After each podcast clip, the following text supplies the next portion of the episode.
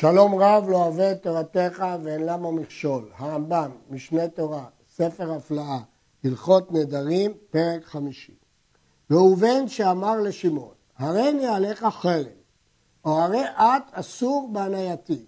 נאסר על שמעון שיענה בראובן. זכותו של אדם לאסור את חפציו על שמעון, או את הנעת גופו על שמעון.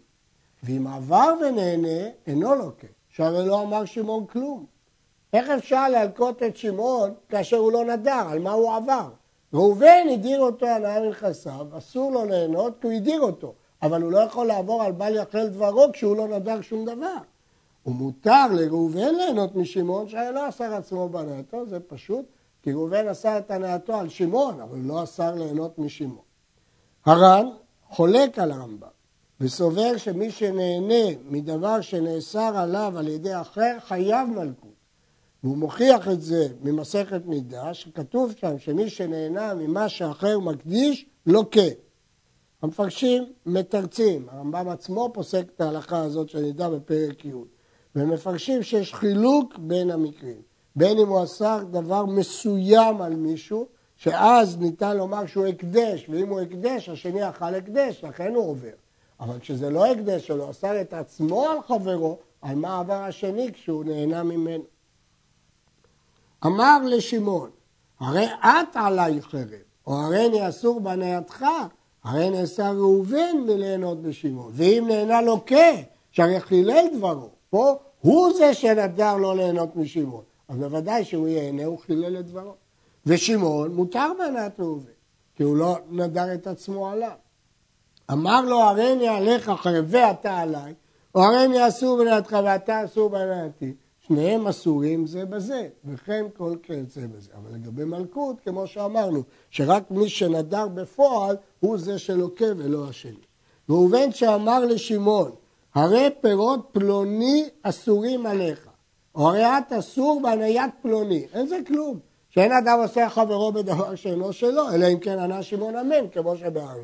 אדם יכול לאסור את נכסיו על שמעון, אבל לא יכול לאסור נכסי לוי על שמעון, מה זה נוגע אליו? איך הוא יכול לאסור, אין אדם אוסר דבר שאינו שלו. אלא אם כן הוא ענה אמן, אז הוא נדר לא ליהנות מלוי. זה לא קשור לראובן, אבל ראובן לא יכול לאסור נכסי לוי על שמעון.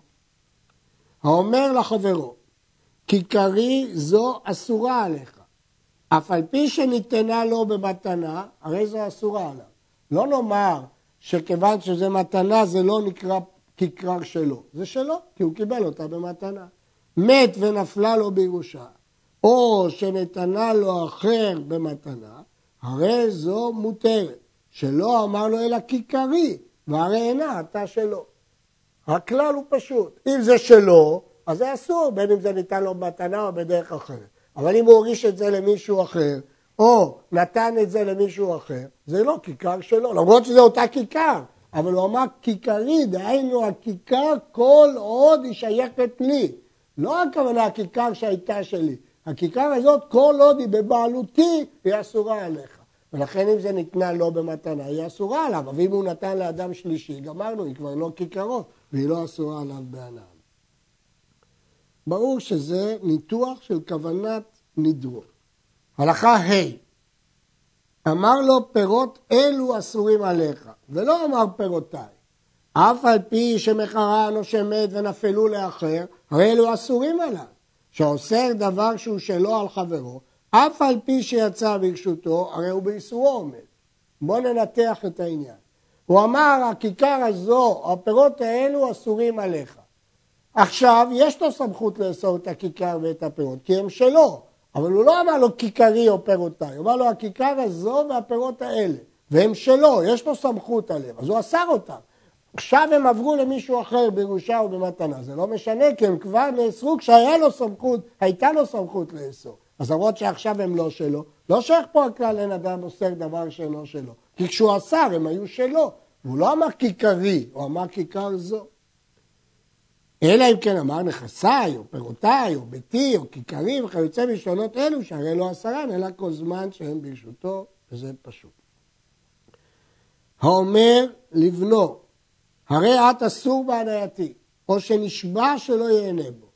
אם מת, יירשנו. שזה כאומר, נכסיי עליך אסורים. אסר הנייתו עליו, ופרש בין בחיי בין במותי, אם מת לא יירשנו, שזה כמי אמר לו, נכסים אלו עליך אסור. כלומר, אנחנו פה מנתחים בהיגיון את הכוונה של הנודר. אם הוא אמר לו, אתה אסור ליהנות ממני, הוא לא התכוון מה יקרה כשהוא מת, התכוון ממני כשאני חי. הוא לא חשב עכשיו על שעת המיטה, ולכן אם מת, יירש אותו. אבל אם הוא אמר לו בפירוש, בין בחייו בין במותו, אם מת, לא יירשנו. שזה כמי שאמר, נכסים אלו עליך אסור. יש לשאול, הרי אחרי המיטה זה לא שלו, נכון, אבל כבר אמרנו שהכל הולך אחרי שעת הנדר. בשעת הנדר הנכסים היו שלו, יש לו סמכות לאסור אותם. אז אפילו שהוא מת, כבר הוא לא יכול ליהנות ממנו. כמובן, לא יירשנו הכוונת הנכסים שהוא נדר, נכסים אחרים, אין בעיה. אסר בנו בהנייתו, ואמר, ואם היה בן בני זה תלמיד חכמים, יקנה בני זה נכסיי כדי להקנותם לבנו. הרי זה מותר, ויהיה הבן אסור בנכסיו, ובן הבן מותר בהם אם יהיה תלמיד חכמים, כמו שהתנה. הוא לא אסר על הבן להקנות לנכד, הוא רק אסר על הבן ליהנות מהם, ולכן אין שום בעיה שהוא יכול לתת את הנכסים לנכד. הדבר הזה הוא פשוט ואין איתו שום בעיה. זה הבן האסור בירושת אביו, כאשר האבא הדיר את הבן בחייו ומותו, גם בחייו וגם במותו. אם נתן ירושת אביו לאחיו או לבניו, הרי זה מותר. הוא לא יכול לרשת, אבל הוא יכול לתת את זה לאחיו או לבניו. ואם תשאלו, הרי אסור לו ליהנות, ויש לו טובת הנאה כשהוא נותן את זה מתנה. בוודאי שהם יכירו לו חובה, טובה. אז אם כן, הם נהנים. אז אם כן, איך הוא יכול לתת אותם במתנה גמורה? הר"ן אומר שהוא חייב להודיע להם שהכסים האלה קיימים והם אסורים עליו ויעשו בהם מה שירצו. דהיינו, לא לגרום שתהיה פה טובת הנאה. הכסף משנה אומר שאין זה נחשב שהוא נהנה בטובת הנאה. למה? כי הוא מודיע למקבל שאסור לו ליהנות. אז המקבל לא יכיר לו טובה, הוא אומר, אתה היית מוכרח לתת לי. זה לא לגמרי מדויק, כי סוף סוף הוא יכול לתת למישהו אחר, אז הוא יכיר לו טובה שהוא נותן לו. אבל בכל אופן, כיוון שהוא לא יכול ליהנות מהכסים, זה לא כל כך טובת הנאה. וכן אם פרעה בחובו או בכתובת אשתו, מותר. וזה פשוט, זה מפורש בגמרא, שהנשבע שלא יענה בו חברו, מותר לפרוע חובו. וצריך להודיעם שאלו נכסי אביו שעשרם עליו. שהנשבע שלא ייהנה בו חברו, מותר לו לפרוע את חובו כמו שהתבהר. למרות שהוא נהנה שהוא לא צריך לשלם, אבל זה רק מבריח ארי. לא, זה לא נקרא שהוא ממש הנאה ישירה, אלא רק פורע את חובו. מי שנאסר עליו מין ממיני מאכל, בין בנדר או ונתבשל עם מינים אחרים, או נתערב עמהם, הדין של תערובת בנדרים, הרי זה מותר במינים המותרים ואף על פי שיש בהם טעם ממין אסור. אם נאסר עליו מין ממיני מאכל, הטעם לא נאסר עליו. ואם נאסר בפירות אלו ונתערבו באחרים, אם יש בהם טעם המין האסור, אסורים, ואם לאו, מותרים. ובכן, אה, מה מדובר פה? מה ההבדל בין שני סוגי הנדרים? הרמב"ם יסביר. כיצד? נאסר בבשר או ביין. הרי זה מותר לאכול מרק וירקות שנתבשלו עם הבשר ועם היין, ואף על פי שיש בהם טעם הבשר או טעם היין. ואינו אסור אלא באכילת בשר בפני עצמו או לשתות יין בפני עצמו. הוא אסר על עצמו בשר, הוא אסר על עצמו יין, הוא לא אסר על עצמו מרק, הוא לא אסר על עצמו אה, מים בטעם של יין, הוא אסר על עצמו יין ובשר, זה מה שהוא עשה. לכן הטעם שלהם הוא לא אסר. נאסר בבשר זה או ביין זה, אבל אם הוא נאסר בבשר ספציפי, מסוים, לא נאסר במין של בשר או במין של יין, אלא נאסר בבשר הזה, ביין הזה, ונתבשל עם הירק. אם יש בירקות טעם הבשר או טעם היין, אסורים, ואם לאו מותרים. שזה הבשר וזה היין נעשה כמו בשר נבלות ושקצים וכיוצא בהם וכן כל כיוצא בהם. לפיכך האומר בשר זה אסור עליי, אז זה אסור בו ובמרק שלו ובטבלין שלו. זה דין המשנה, החילוק הוא חילוק דק. נשים לב לחילוק. כשהוא אומר בשר זה, כאילו אסר אותו חתיקת איסור, חתיקת איסור. ולכן, כמו כל איסור, כמו כל נבלה שנותן טעם בדבר המותר, אסור. לכן הוא אסר את הדבר הזה, הוא הפך אותו נבלה עליו. מה שאין כן, כשהוא אסר את מין הבשר, הוא אסר רק מה שאנשים קוראים בשר, ולא מרק של בשר. נתערב יין זה שאסרו על עצמו, כשהוא הפך אותו לנבלה, אסר על עצמו, יין זה, ביין אחר, אפילו טיפה בחבית, נאסר הכל. זה לא בטל ברוב, לא בטל בשישים. מדוע? כי זה דבר שיש לו מתירים. מפני שיש לו להישאל על נדרו, נעשה כדבר שיש לו מתאים, הוא יכול לשאול על הנדר. לכן יש דרך לאכול את זה בהיתר. הכלל הוא, כל דבר שיש לו מתירים אינו בטל במינו, כמו שביארנו בהלכות מאכלות אסורות. האומר, פירות האלה קורבן עליי, או קורבן הן לפי, או קורבן הן על פי, הרי זה אסור בחילופיהן ובגידוליהן ואין צריך לומר במשכין היוצאים מהם. כאשר אדם אמר פירות אלה עליי, הוא הפך אותו כהקדש, כאיסור. וההקדש חל גם על גידולים, הוא מזרע אותו ויגדלו גידולים, ועל חליפין, ועל אה, אה, משכין היוצאים מהם. למה? כי הוא הפך את הדבר הזה לאיסור. נדר או נשבע שאיני אוכל אותם, או שאיני תואם אותם, היא, הוא לא אמר שהם יהיו קורבן. אז הם לא מקבלים דין של הקדש. אם היה דבר שזרעו קלה כשייזרע, כגון חיטה ושעורה, שהזרע מרכיב וגודל את שעורה אחרת, הרי זה מותר בחילופיהם ובגידוליהם. למה?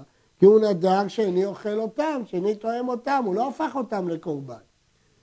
ואם היה דבר שאין זרעו קלה בארץ, שזה אגון בצלים ושומים, אפילו גידולי גידולים אסורים, כיוון שאמרנו שהנודר בדבר אסור בכל הדברים שנובעים ממנו. ובין כך ובין כך משכין היוצאים מהם ספק. לפיכך אם שתה מהם אינו לוקה. כי הדין הזה לא הוכרע בגמרא ולכן אסור אבל לא לוקה.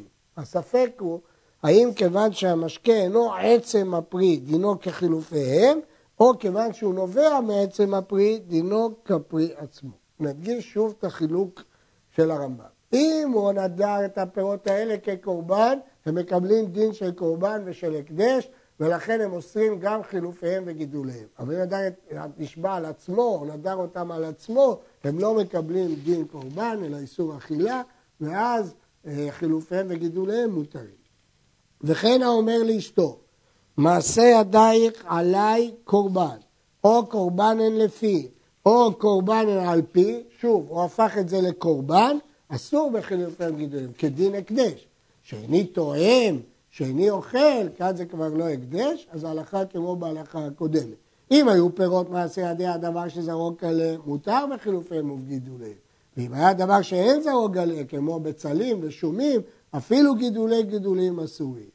ולמה לא יבטל העיקר האסור בגידולים שרבו עליו? הרי השורש היה קטן ועכשיו זה התרבה בצל מאוד. למה לא יתבטל ברוב? שהרי זה דבר שיש לו מתירים, כי אפשר להישאל עליו. שאינו בטל ברוב, כמו שבאנו בהלכות מאכלות אסורות, שכל דבר שיש אפשרות לאכול אותו בהיתר, הוא לא בטל ברוב. מה לגבי המשקיט? כמו ההלכה הקודמת, שזה ספק. האוסר פירותיו על חברו, בין בנדר, בין בשבועה, הרי גידוליהם וחילופיהם ספק. לפיכך, חברו אסור בגידולי פירות אלו וחילופיהם, ואם העבר נהנה, נהנה. ובכן, אה, הגמרא שואלת את השאלה הזאת, השאלה לא נפשטה ולכן הרמב"ם פוסק שלא לוקה, אבל לדין הוא ספק. מה הספק? שלגבי עצמו אדם אוסר פירות חברו על עצמו, אז הוא יכול גם לאסור את הגידולים, את החילופים. אבל כשהוא אוסר על חברו, הוא יכול לאסור רק דבר שיש בו ממש, מה שעכשיו נמצא. אבל אולי הוא לא יכול לאסור את החילופים והגידולים שלא קיימים בעולם. זאת השאלה. הרעב"ד מקשה על הרמב"ם, כי הוא הבין את הגמרא שבגידולים חברו אסור, ורק לגבי החילופין השאלה. אבל הרמב"ם פסק שגם הגידולים בספק, וזה שתי הבנות בפשט הגמרא. עד כאן.